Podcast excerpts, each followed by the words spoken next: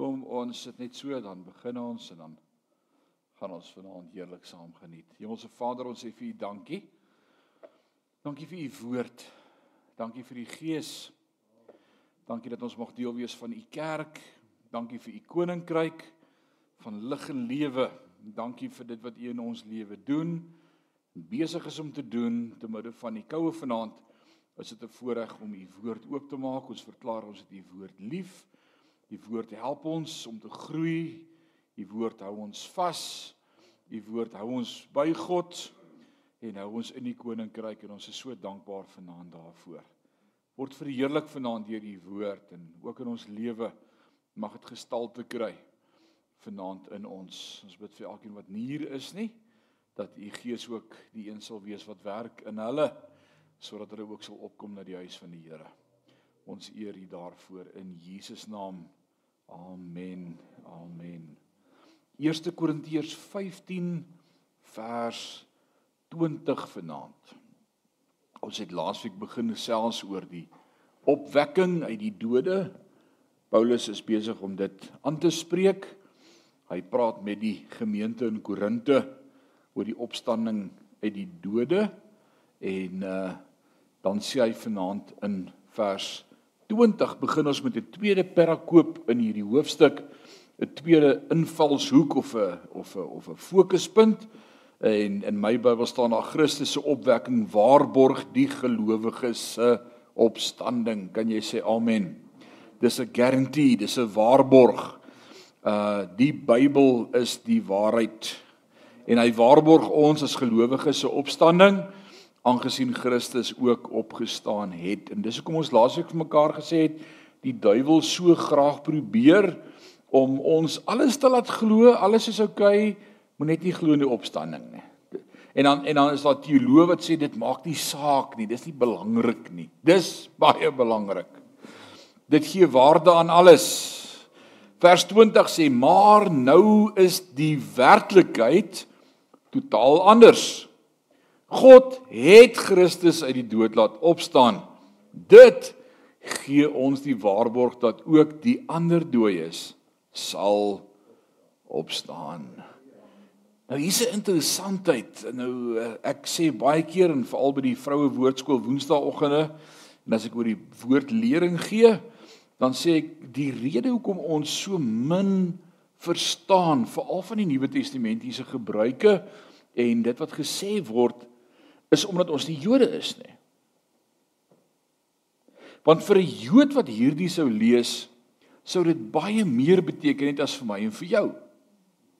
Want die Joodse tradisie, die Joodse gebruike, die Joodse kultuur, alles vir hulle is daar baie meer detail weggesteek in die evangelies as vir ons wat nie Jode is nie, want ons verstaan dit nie die bruilof, die wederkoms, die 10 maagde.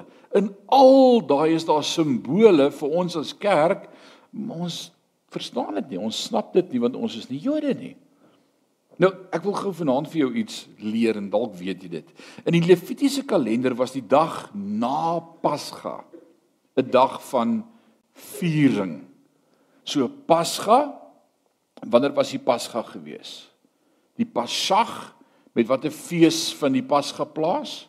Ons praat van Paasfees. Wat noem die Jode dit? Wat is die Joodse Paasfees een keer 'n jaar? Yom Kippur. Die Joodse fees was die ekkie, doen niks. En en en wat gebeur een keer 'n jaar met Yom Kippur? Dan is dit wanneer die hoëpriester ingaan in die allerheiligste om te offer. Dis die dag wat Jesus vir my en vir jou die voorhangsel geskeur het. Kan jy onthou? Op Paasfees. Daai volgende dag na die Sabbat. Nou die Sabbat is watter dag? Saterdag. Daai Sondagoggend van Paasfees nadat Jesus gekruisig is. Wat gebeur toe Petrus hulle by die graf kom? Die graf is leeg. Nou kom ek vertel gou vir jou iets op die Joodse kalender het daai dag 'n naam. Alraight, die Levitiese kalender was die eerste dag na die Pasga, 'n dag van feesvier wat die fees van eerstelinge genoem word. Vir 4000 jaar al vier die Jode hierdie fees van eerstelinge. Tydens hierdie fees het die Jode koringgerwe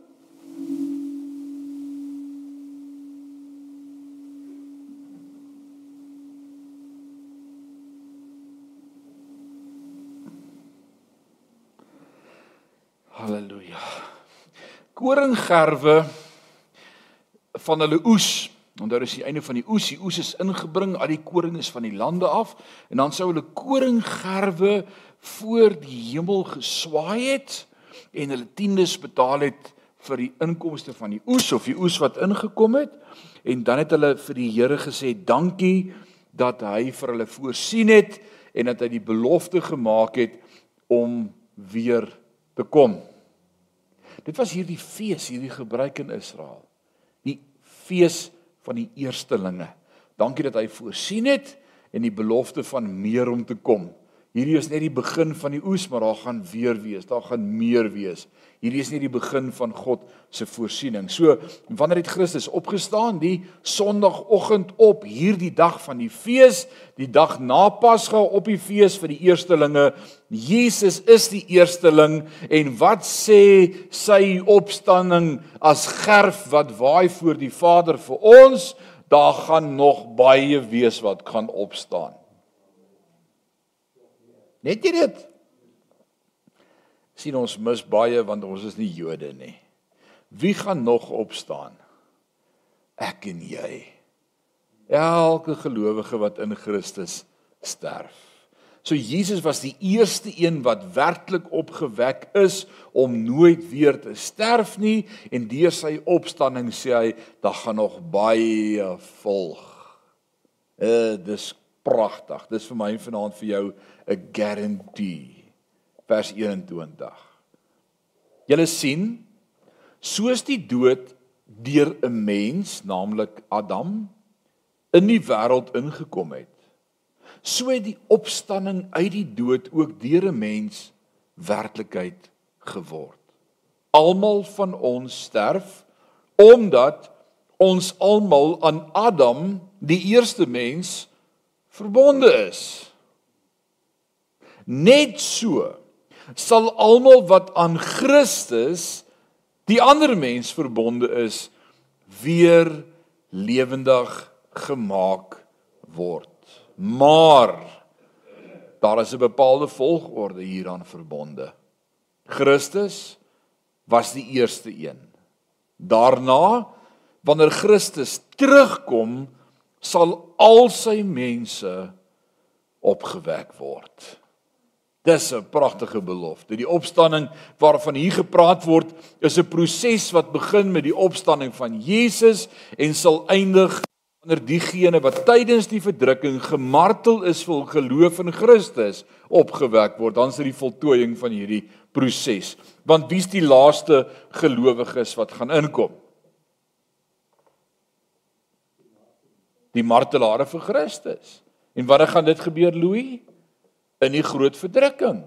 Die wat Jesus dan gaan aanvaar en gaan gaan gaan aanneem as koning, gaan betaal met hulle lewe.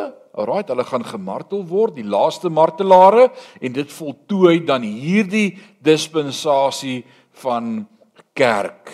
Die Openbaring 20 gaan voort om te praat van die tweede opstanding wat daar wat plaasvind aan die einde van die millennium eers wanneer al die ongelowiges voor die groot wit troon gaan staan. So daar's twee opstandings van die dooies. Twee. Die eerste opstanding van die dooies is wanneer Jesus terugkom aan die einde van die 7 jaar verdrukking en almal wat in hom gesterf het, gaan opstaan. Die tweede opstanding vind eers aan die einde van die millennium plaas. Wie gaan dan opstaan? Almal wat voor die wit groot troon gaan verskyn. Nou wie verskyn voor die wit troon? Die wat Jesus nie wou ken nie. Want daar is twee geleenthede in die ewigheid en jy gaan by een van die twee wees. Jy kan nie by al twee wees nie, jy's net by een van die twee. Die eerste een is die regterstoel van God. Dis prysuitdeling. Ons word beloon en ons kry beloning vir ons werke. Leon, jy het gereeld gebid, kom Here Jesus, jy het my verwagting liefgehad. Hier's vir jou 'n kroon omdat jy my verwagting liefgehad het. Ou wil jy het Sondags na die Here toe gelei en hulle vertel van my, hier's 'n kroon vir elkeen wat jy na my toe gelei het om deel te word van die koninkryk. Jy was getrou geweest, jy het gebid, bly getrou tot die einde toe. Es hier's vir jou 'n kroon omdat jy getrou was in die klein waaroor ek jou aangestel het. Nou ontvang ons loon, dis prysuitdeling. En party gaan gaan daar wees wat niks kry nie. Daar gaan party wees wat niks kry nie. Gered soos deur hooi stoppels hout. Jy gaan nog ryk soos die hel, maar jy's daar in die hemel. Hmm. En dan sê die woord, daar gaan 'n geween wees. Daar gaan groot hartseer wees by daai party. Imagine, jy kom by die prysuitdeling van die ewigheid en almal kry pryse en jy kry niks. Jy staan nie agter in die hoekie. En dan sê Jesus en ek sal al die trane afdroog en niemand sal weer in die hemel hoef te huil nie. So werk dat jy reward gaan kry, dat jy loon gaan ontvang. Ons gaan vanaand sien uit hierdie stuk uit hoe ons werk bepaal wat se reward ons gaan ontvang, wat se loon ons gaan ontvang. Maar die tweede groot event wat daar is in die ewigheid, is die wit troon oordeel. En dit is wanneer al die ongelowiges voor God die Vader se wit troon sal verskyn en hy vir hulle sal sê hoekom hulle 'n ewigheid sonder hom in die hel gaan wees want hulle wou hom nie aanneem en aanvaar as koning nie. Alraight. Dis 'n hartseer saak. Jy wil nie daar wees nie. Dis baie hartseer. So die eerste opstanding is die opstanding tot lewe want dit bestaan slegs uit diegene wat gered is. Die tweede opstanding is die opstanding tot die dood omdat dit slegs uit ongelowiges bestaan. Nou sê 1 Korintiërs 15 vers 24. Vervolgens sal die einde kom wanneer Jesus die koningsheerskappy aan God die Vader sal teruggee nadat hy elke vyandige mag wat daar kan wees onderwerp het. Want Christus moet aan bewind bly totdat hy alles vyande finaal verslaan en aan hom, dis God, onderdanig gemaak het. Die laaste van hierdie vyande wat vernietig moet word is die dood die laaste vyand wat vernietig moet word is die dood. Alle vyande moet voor Jesus die knie buig. Is dit nie pragtig nie? Want wanneer die koninkryk van die dood uiteindelik in die buitenste duisternis gewerp word, sal Christus onbetwis regeer en heers. En watter dag sal dit nie wees nie? Wanneer dalk nie meer dood is nie die laaste vyand wat vernietig moet word om nooit meer by enige iemand te spook of jou te dreig of jou te belas nie, maar ek wil vanaand sê dit gaan nie net die fisiese dood wees nie. Maar ook die dood van huwelike, die dood van vreugde, die dood van vrede, die dood wat alle hopeloosheid, swaarmoedigheid en hartseer teweegbring sal nooit meer wees nie. En dan as alles onder Jesus buig en hy bewind het van alles, dan bring hy dit terug na die Vader toe en hy sê Vader, hier nou gee ek dit terug vir jou. Alles is nou onder jou bewind. Dit wat van die begin af die plan was met die skepping dat alles onder God se bewind is aan die einde gaan dit weer so wees. Amazing. Amazing. Vers 27. Die skrif sê mos God het aan hom gesag oor alles gegee. Natuurlik, wanneer die skrif sê dat God aan hom die gesag oor alles gegee het, is God wat aan Christus hierdie gesag gegee het, self uitgesluit. So God gee vir Jesus alle gesag Walter het dit Sondagoggend vir ons geleer sien Efesiërs, dan sê hy sodat alles in die hemel en onder die aarde verenig mag wees in die naam van Christus. Voor hom sal elke knie buig en elke tong bely en dan as Christus al die gesag het, dan gee hy dit terug vir die Vader dan sê hy hier, ek het dit reg gekry vir jou. Want God die Vader en die Seun is een.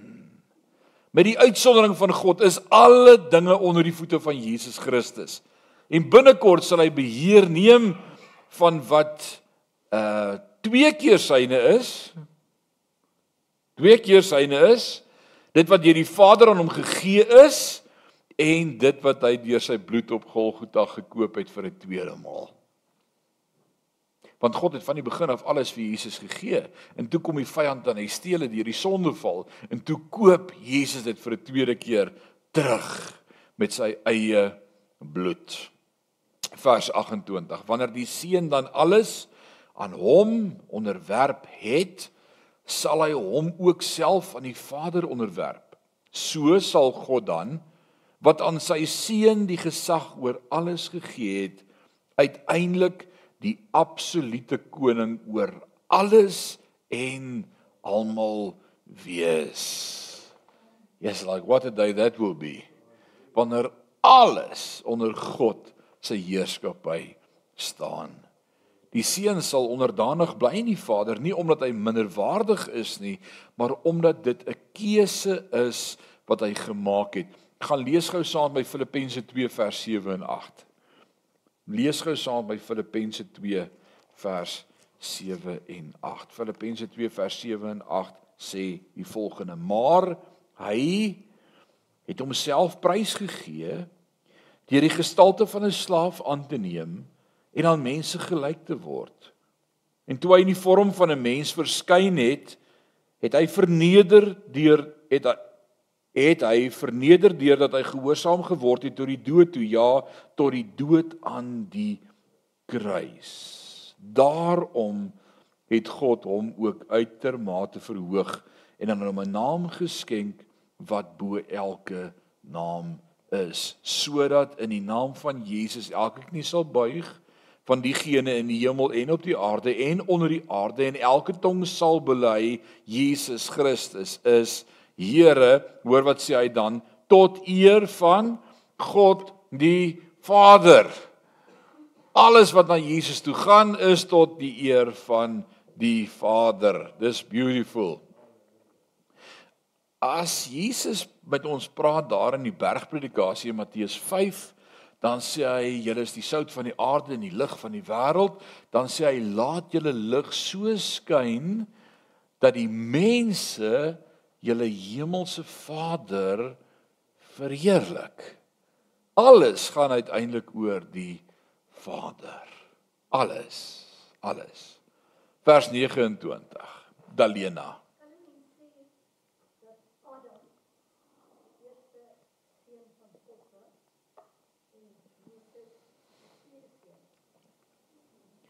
omdat Adam en Eva ons koneksie en verbinding is met die sondeval, was hy die eerste vleeslike mens.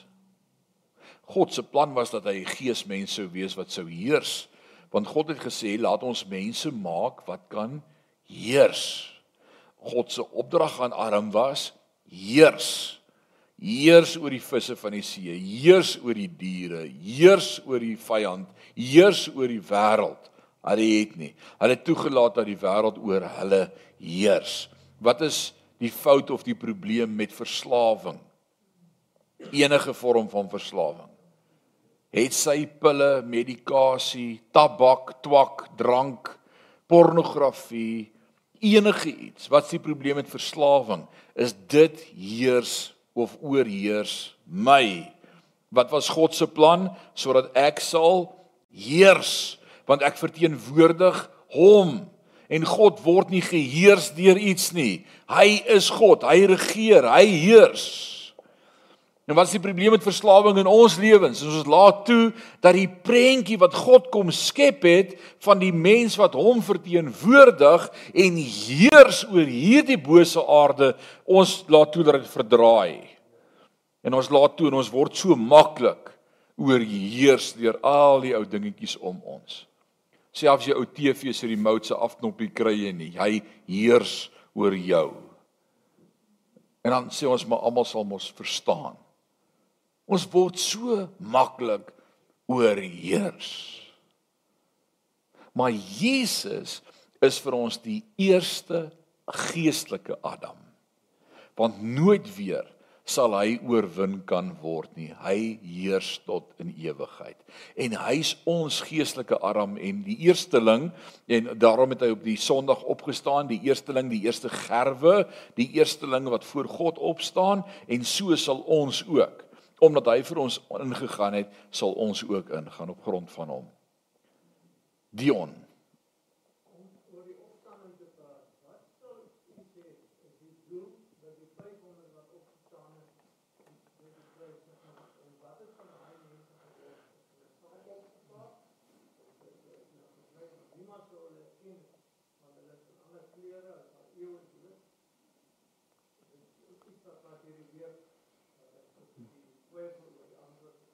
wat sou die doel gewees het van die grafte wat oopgegaan het en die dooies wat uitgekom het? Kan julle onthou waar was die eerste keer wat ons lees van so 'n insident in die Bybel voor Christus?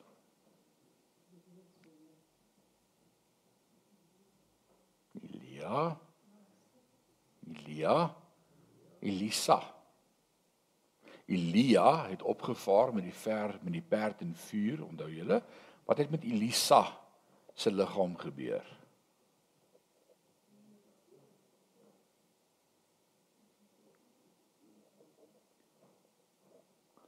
Sê by die regte kerk vanaand. Ons gebruik mos die Bybel hier. Wat het met Elisa se liggaam gebeur?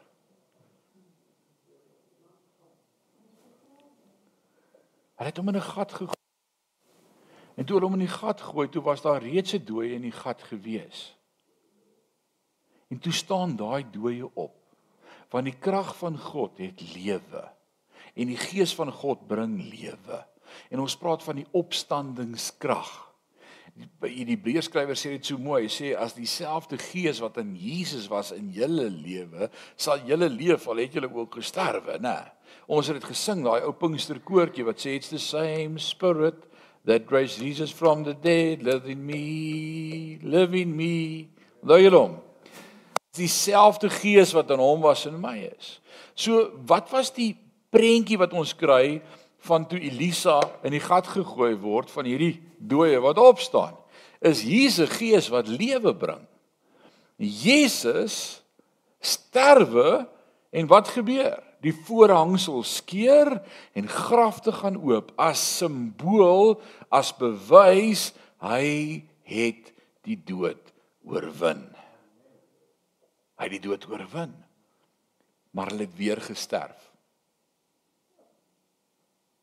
Hoekom het hulle weer gesterf? Hulle het opgestaan net soos Lazarus opgestaan het uit die dood. Maar wat het van Lazarus gebeur? Lazarus is weer dood. Want is vir ons bestem om op daardie manier daar's net twee mense in die geskiedenis en die Bybel skryf vir my tot aan die einde wat hier gaan wegkom sonder dat hulle so ver gesterf het en hulle gaan ook nog sterf. Wie's dit?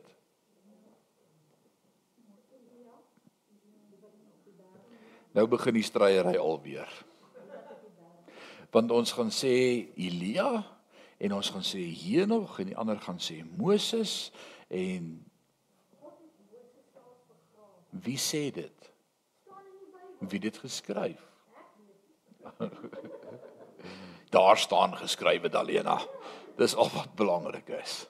Alraight. So twee getuies wat in die 7 jaar verdrukking in Jerusalem gaan verskyn. Elias beslis een van hulle en ons weet Henog het met God gewandel en hy was nie meer nie. Het Henog gesterf? Nee. Maar die woord sê dis vir die mens bestem om te sterf. En hulle sal ook kom sterf. Alhoewel hulle nog nie gesterf het nie, gaan hulle in die groot verdrukking in Jerusalem sterf. Alraai. So God het nie 'n probleem met sterf nie, dis vir die mens bestem om almal te sterf. Maar die bewys van die opstanding, daai klomp het gesê Jesus het nou die sleutels van die doderyk. Jesus besit die sleutels van die doderyk. En dis die teken wat ek en jy kry deur daardie opstanding.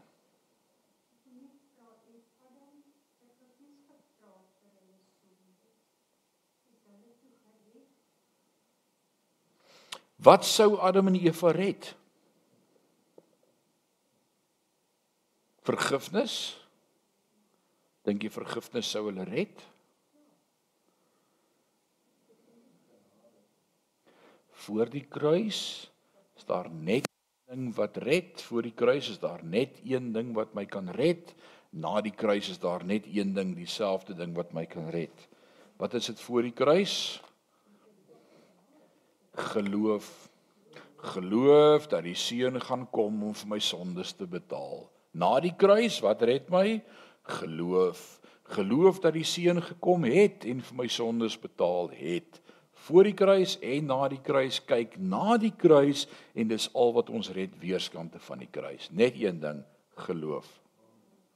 So of hulle vir hulle sondes ekskuus gesê het of nie, dit was God se plan van die begin af. Hy het geweet Adam en Eva gaan sonde doen. Hulle het hom nie onverwags gevang nie. Hy het nie gesê o, hemel, wat nou nie? Nou moet ek plan B nie. Hy het geweet. Maar hy wou ons 'n kans gee sodat ons ook sal besef ons kan dit nie op ons eie maak nie. En as jy dink jy sou 'n beter Adam of 'n beter Eva gewees het, dink weer. Dink weer.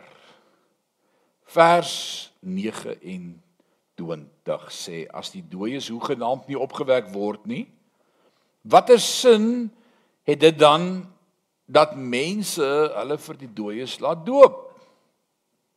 Waarom sou hulle dit nog vir die dooi vir die dooies doen as hulle in elk geval nie weer opgewek word nie? Hierdie is 'n interessante vers. En as jy hierdie vers gaan uitsonder en buite konteks lees en nie in die gedeelte waarin dit geskryf is nie, kan daar baie misleiding deur hierdie vers kom.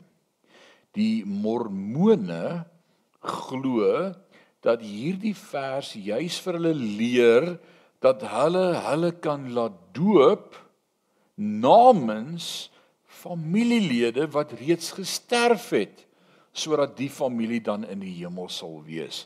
So ek kan in die plek van my oorle oupa grootjie my laat doop ek moet net sy sy korrekte volle doopnaam hê anders het ek moeilikheid dan doop ek dalk vir die verkeerde ou maar hulle doop dan nou so en dan maak hulle dat die voorsate kan hemel toe gaan Hulle glo dat 'n persoon gedoop kan word in die plek van 'n familielid wat geslagte gelede reeds gesterf het. Dit is hoekom dit so groot belangrikheid vir hulle is om te fokus op geslagsregisters. Maar sonder dat die mense dit weet word 'n donker spiritualistiese krag aan hierdie aspek van mormonisme gekoppel. Waaroor Paulus hier praat is eintlik redelik eenvoudig. Hy sê die doop is 'n simbool van die dood, van die begrafnis, van die opstanding en as Jesus nie opgestaan het nie, vra hy, "Hoekom sou jy dan sterf saam met Christus?" As jy nie saam met hom gaan opstaan nie. So hy dis dis vir my as individu as hy dit vra. Want hy vra oor die dooies. Wie laat jou dood? Wie word begrawe? Dooie mense. Wat doen ons as ons begraf as ons as ons doop? Ek sê ons hou begrafnis, né? Die ou mens sterf. Nou vra Paulus in eenvoudige woorde in vers 29, hoekom wil jy die ou mens begrawe as jy nie dink daar gaan 'n nuwe mens wees wat saam met Christus gaan leef nie? Dit het niks te doen met jou oupa grootjie wat dood is of die dode nie, die dooies nie. Alraight. Is dis een van die verse wat die wat die uh, mormone heeltemal uit verband trek. Vers 30. En waarom sal ons ons lewens uur na uur in gevaar stel? Dag na dag verkeer ons op die randjie van die dood. Dit is die absolute waarheid broers en susters, net so seker as dat julle ons trots is oor wat Christus Jesus ons Here vir ons gedoen het. So hy sê terwyl jy jou epikuriese kristendom vier, waag ek elke dag my lewe en Paulus sê, "Hoekom sal ek my lewe waag as daar nie 'n opstanding gaan wees van die dooies nie?" As daar nie opstanding is vir die dooies nie, gaan ek kyk hoe lank ek kan lewe. Gaan ek nie my lewe waag om die evangelie te verkondig nie, maar ek doen, want ek weet daar's 'n opstanding uit die dode. Verder vers 32. Waarom sou as ek as te ware met wilde diere in Efese geveg het as dit alles verniet was. As daar geen opwekking van die dooies is nie, laat ons feesvier en dronk word want môre sterf ons. En dis in baie mense se geval hulle gesindheid in hierdie wêreld, né? Leef voluit, party voluit, môre val ons om, dan is ons dood. Kommentators is verdeel oor die identiteit van die diere in Efese. Hulle is nie seker wat se diere sou daar in Efese gewees het as hy praat van die wilde diere nie. Dit kan heel moontlik wees dat Paulus in die arena in Efese gewerp is en dat hy hongerleeu's in die oë gekyk het. Soos wat daar ook in Rome die geval was by die groot wat noem dit daai wat noem dit daai groot ronde die arena, wat was dit? Hy het 'n naam. Die Colosseum, beautiful. Wie was al in die Colosseum? Net ek. Ja, it's amazing. Was jy daar is? In Rome. In Rome. In die gees dalk, maar nee, ek kan nie dit onthou nie. Daar in Rome, die ongelooflike Colosseum. En dan uh dan onder die vloergedeelte kan jy sien waar die leeuhokke is, waar die leeu is. Het jy Gladiator gekyk? Gladiator die movie. Jy kan dit gerus kyk. Dit is presies daai opset in die Kolosseum gewees. Ander Bybelkommentare meen dat dit mense is wat vyandig gesind was teen Paulus wat soos wilde diere teenoor hom opgetree het en hom probeer doodmaak het oor die evangelie boodskap wat hy verkondig het. En hoe dit ook al sê, hy was in Efese, hy het pyn verduur en hy sê dit was nie verniet gewees nie want ek glo in die opstanding van die dooies. Hy waag sy lewe om dit te verdedig. Vers 33. Moenie toelaat dat mense wat sulke dinge sê julle vir die gek hou nie, want slegte geselskap bederf goeie gewoontes. Dis 'n mooi spreekwoord, né? Slegte geselskap bederf goeie gewoontes. Ons moet dit vir ons kinders leer. Die waarde daarvan. Kom tot julle sinne en moenie langer sondig nie tot julle beskaming moet ek vir julle sê dat party van julle heeltemal tekort skiet wat julle kennis van God betref. Nou raak hy bietjie kwaai. Hy sê, "Come on man, julle kan nie as kinders van die Here praat dat julle lewe nie gaan dat julle gaan sterwe en dat daar nie opstanding gaan wees nie." Nou kan iemand vra. Nou quote, hy sê nou kan iemand vra, "Hoe sal die dooies wees wanneer hulle opgewek word? Watter soort liggame gaan hulle hê?" En dis 'n eerlike vraag. Dis dalk iets waaroor jy al gedink het in jou lewe. Nou, hoe gaan ons dan nou wees as ons opstaan? Gaan ons soos iemand vra nou eendag vir my Casper the Ghost, hoe gaan ons wees as ons opstaan? En nou is hulle besig om vir Paulus so effens kwaad te maak as hy sê kom ons praat daaroor. Hy sê jou onverstandige mens. As jy saad in die grond sit, ontkiem dit tog nie tot nuwe lewe as dit eers dood gegaan het nie. Wat jy in die grond sit, is nie die plant wat gaan groei nie, maar bloot 'n droë koringkorrel of watter ander saad jy ook al plant. Dan gee God daaraan 'n nuwe liggaam, presies soos hy dit bepaal het. Van elke soort saad groei daar 'n ander soort plant.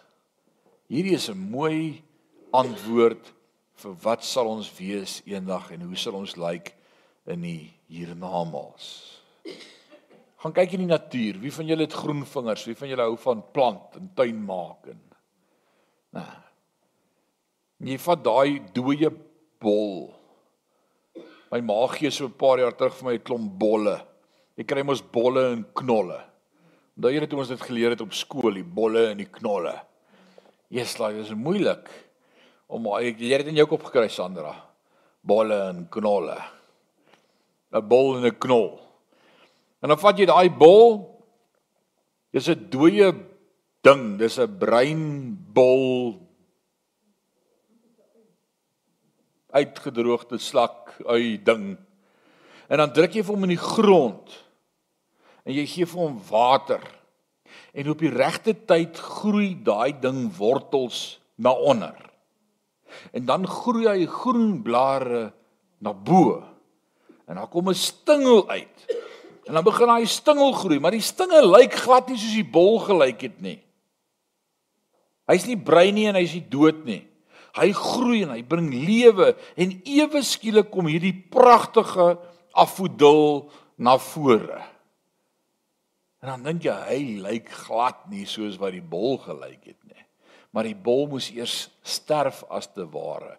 Daai eie, as jy nou weet jy kan eie bære, dan hang jy hulle so op in die garage. Nee. Wie wie hang eie op in die garage nog so oor die draad? Al die eie wat jy uitgespit het. Onthou julle toe ons dit nog gedoen het jy groentetuin en dan hang die eie so aan hulle blare in die garage, vars eie. Alles ryk na eie. 'n Knoffel. En as jy daai eie terugsit in die grond, dan sterf hy eers en dan begin hy weer lewe. Dis die prentjie wat Paulus hier het om te sê ons moet eers sterf. Ons julle wil praat oor wat gaan ons wees? Julle ons het nog nie eens gesterf nie. Ons gaan eers sterf. Ons soos die warm son op die on uh ontluikende plant skyn verskeie pragtige nuwe blom en so sal ons ook wees wanneer die opstanding gaan plaasvind. Vers 29 sê en net soos daar verskillende soorte saad en plante is is so is daar ook verskillende soorte vleis die van mense en diere en voëls en visse en almal verskillend. Verder is daar ook hemelse liggame en aardse liggame. En hier kom hy met 'n interessante ding waaraan ek en jy nou bietjie moet dink. Want hoekom is dit belangrik vir my en vir jou om hierdie kant van die graf te sterf? Hoekom het ek 'n nuwe liggaam nodig, Dion? Die liggaam gaan moeilikheid hê in die nuwe hemel en die nuwe aarde. Hy gaan nie daar kan werk nie. Hierdie liggaam is gemaak om hierdie kant van die graf op hierdie aarde te funksioneer. Hy's nie gebou om in die ewigheid by God te wees nie. Alraight. Omdat ons huidige liggaam ontwerp is interessant 40 pond druk per vierkante duim. Vir wie maak dit sin? Dis druk PSI.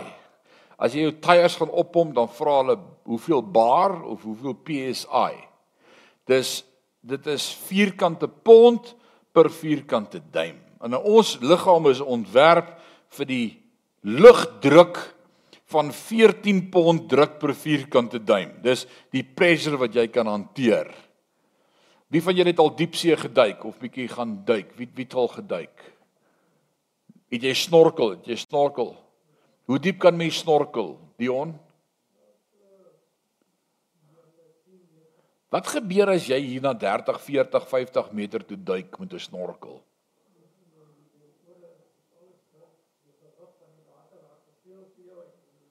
Die druk raak te veel vir jou. En nou het ek al gesien daai ouens daar so lank kabel wat onder die see afgaan, dan vang hulle gewig. Dan hou hulle asem op. Het jy dit al gesien? Dan gaan hulle af rollercoaster. En tot onder en dan kyk hulle of hulle weer kan terugkom. Wat gebeur met jou aardjies en jou brein en jou kop en jou longe? Hulle bars. Ons noem dit jy kry borrelsiekte. Jou liggaam is nie gebou vir daai druk nie. Hy kan dit nie doen nie. Hoe op, hoe ver kan jy met 'n met 'n oop vlerk vliegtygie as jy nou klein paperlight hier het en jy hier opvlieg, 'n sesnaatjie en jy hier opstyg sonder gasborrels en en uh, suurstof. Hoe hoog kan jy vlieg van die aarde af voordat die suurstof jou gaan vang?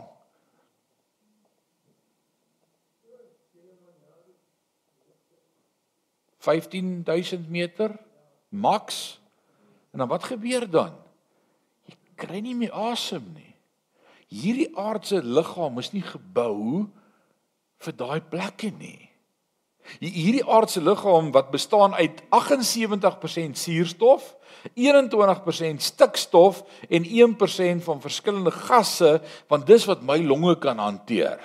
My longe is gebou om hierdie lug te kan inasem, maar ons ewige liggame sal nie 'n ruimtepak of 'n suurstoftank nodig hê nie. Ons gaan vry wees om die heelal te verken en te sweef en allerlei dinge te doen waaroor ons nie eers kan droom of begin dink nie terwyl ons deur die kosmos reis en daar's geen beperking of limiet op waar kan gaan nie. Hierdie vleis gaan dit nie kan doen nie. Ek het nodig om te sterf. En as ek so daaroor begin dink, wil ek die volgende sê, ek wil nie in hierdie tempel vir altyd lewe nie. As jy nog nie op 'n ouderdom gekom het wat jy bietjie keelvol raak vir jou tempel nie, verstaan jy nie waarvan ek praat vanaand nie. Die jong man het nie 'n idee waaroor ons praat ons ou mense nie, né? Maar daar kom 'n tydperk in jou lewe wat jy agterkom, jy wil nie vir altyd met hierdie ou opgeskeep sit nie.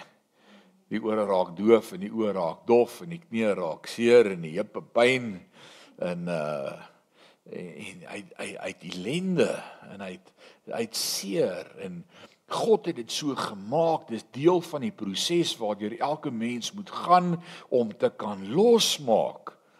Want imagine jy mos jonk en vry en fiks wees tot die dag dat jy moet doodgaan en dan sê die Here, "Oké, okay, dis tyd om dood te gaan." Dan sê jy, "Maar hoekom moet ek doodgaan? Ek maak keer niks." Ek voel nog soos toe ek 20 was. Dan gaan nie wil doodgaan nie.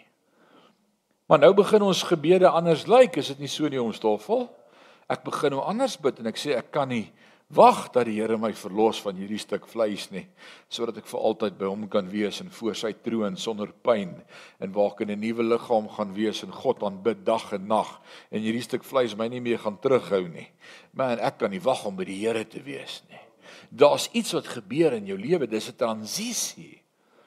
Dis vir jou bestem om daardeur te werk. En dis wat Paulus in hierdie gedeelte sê. Hy sê jy gaan eers moet sterf sodat daardie nuwe liggaam kan opkom. Vers 40 se tweede deel sê die prag van die hemelliggame verskil van die van aardse liggame. Die stralende prag van die son verskil van die van die maan. En die sterre het weer hulle eie prag. Die een ster se prag verskil ook weer van die ander ster se. Dieselfde in die geval met die opstanding van die dooies. Nou is die vraag en ek wil hê jy moet dit uit hierdie teks uit vir my antwoord vanaand. Gaan ons almal dieselfde wees in ons nuwe liggame? En ek wil hê jy moet hoor wat jy antwoord en jy moet sien wat jy antwoord.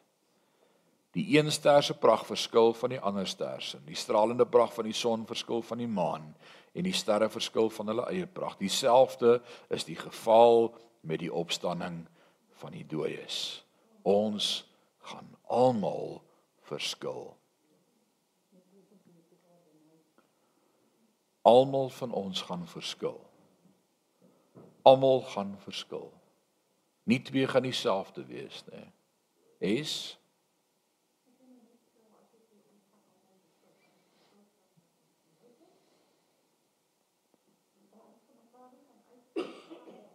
Ons gaan mekaar nie uitken nie, maar ons gaan weet wie mekaar is want ons gaan van God se gees in ons hê. Niemand het vir Lazarus gesê dis Abraham toe die engele hom by die boesem van Vader Abraham bring nie, maar hy het geweet dis Abraham. Daar's 'n ander dimensie. Alraait. Maar ons gaan nie ah jy lyk so, man wat s'hy girl se naam sit in Parys daar. Ah Luzan. Ja, nee. Nee, jy jy dit dit gaan nie so werk nie. As jy vanaand in die lug kyk en die sterre, dan gaan jy sien elke ster lyk anders. Wie van julle hou van sterre kyk? It's beautiful, veral as jy op die plaas is, bietjie uit die dorp uit. Net soos daar verskillende intensiteite in die hemel wees. Daniël 12 sê vir ons dat diegene wat siele wen vir ewig soos die sterre sal skyn. Jou lig wat jy gaan uitstraal en hoor mooi en ek wil nie vanaand nou begin ons eens praat nie maar of as ek Daniel reg verstaan gaan as ek skyn soos 'n ster die heerlikheid van God gaan uit ons skyn en die woord sê hoe meer siele ek vir hom gewen het hoe helderder gaan my lig skyn in die ewigheid.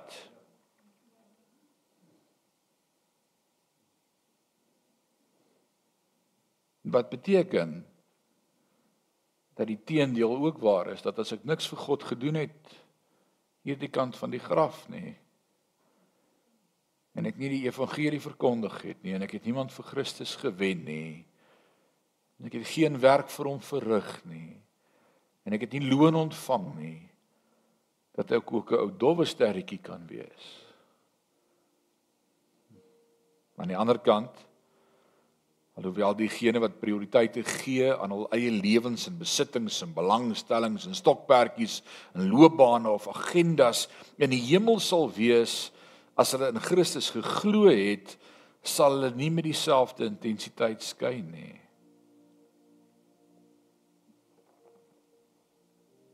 Wat vir my hierdie week 'n paar keer laat pos het by hierdie teks en myself laat dink het Ek kan nie wag om by die Here te wees nie.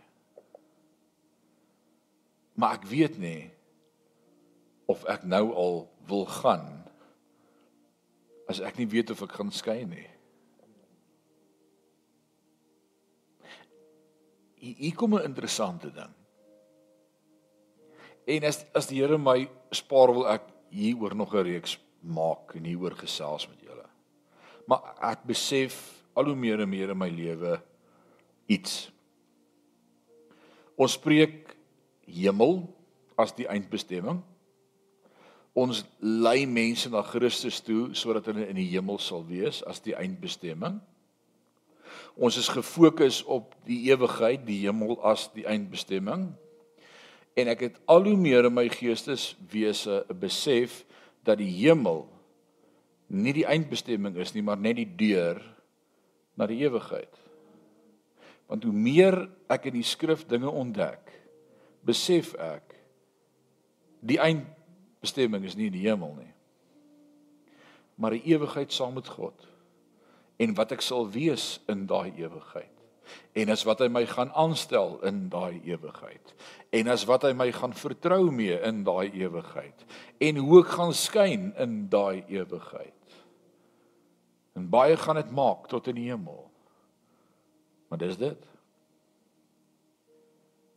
Waarmee gaan God jou vertrou? Oor wie gaan God jou aanstel?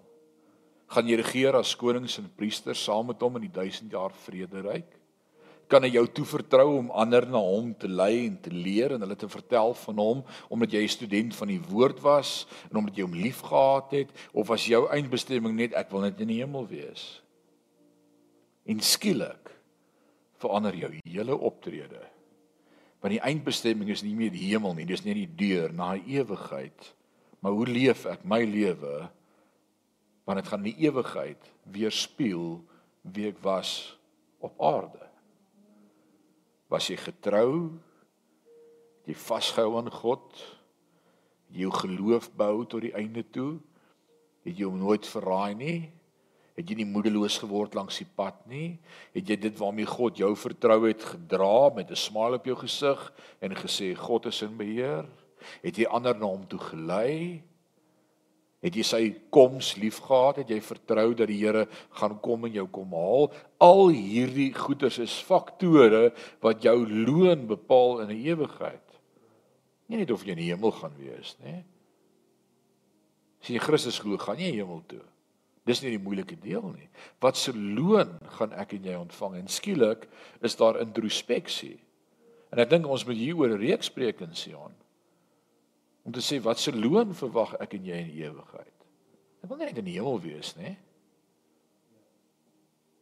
Ek wil ek wil loon ontvang. Ek wil hê God moet my kan trust en gebruik in sy koninkryk.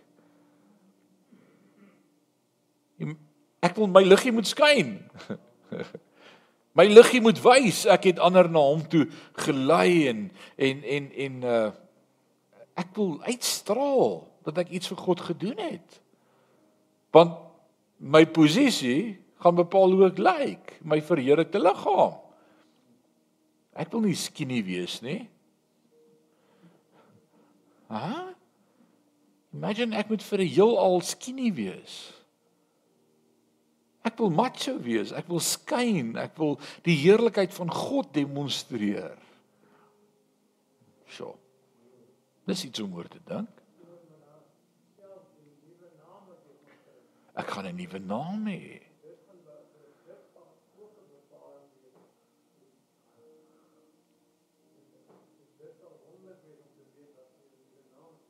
So my optrede, my lewe, my getrouheid, my my my fokus op hom, my ywer vir hom, my entoesiasme vir die koninkryk, my liefde waarmee ek hom gedien het, my getrouheid in die koninkryk, my finansiële bydrae, alles hoe ek hierdie kant van die graf geleef het, gaan bepaal wat God van my te sê het en hoe ek gaan lyk eendag.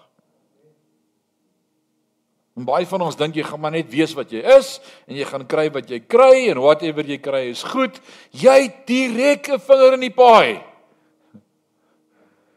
En jy gaan vir 'n ewigheid met daai lyf sit. Daar's nie 'n gym toe gaan om daaraan te werk dan nie. Hierdie is die gym. Hierdie is die gym en in die lig daarvan sê Paulus, oh, aardse oefening is van weinig nut. As daai kus sak is dit verby maar die geestelike oefening, na die geestelike gewoontes geoefen. Ek het elke dag opgestaan en 'n uur gebid en met God gepraat. Ek het tyd in sy teenwoordigheid spandeer. Ek het die woord liefgehad, ek het met sy woord gesit. Ek het die woord geshare met gelowiges en ongelowiges. Ek het getrou gebly tot die einde toe. Dis die gym vir hoe ek eendag gaan lyk in hiernamaals. Imagine jy het op aarde gedink jy's hierdie reus wat 'n 100 000 sitplek auditorium vol kry elke Sondag en op TBN uitsaai en almal jou naam ken en jy 20 boeke geskryf het en almal weet wie jy is en enige in die hemel skyn hierdie ou klein dowwe sterretjie en die mense vra vir jou wie was jy op aarde? En jy sê ek was en dit is Oh, come on, dit kan nie wees nie. Kyk hoe klein is jy en hoe dof is jou liggie. Hm. Want dit wat ek regtig gedoen het, wat net tussen my en God was, gaan dan skyn.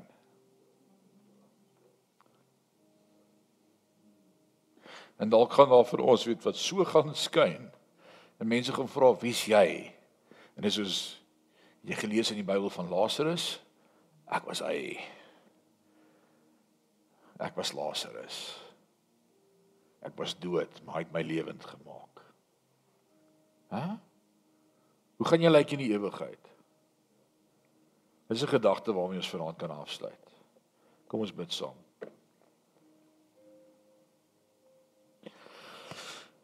Vader, u woord is kosbaar. U woord is awesome.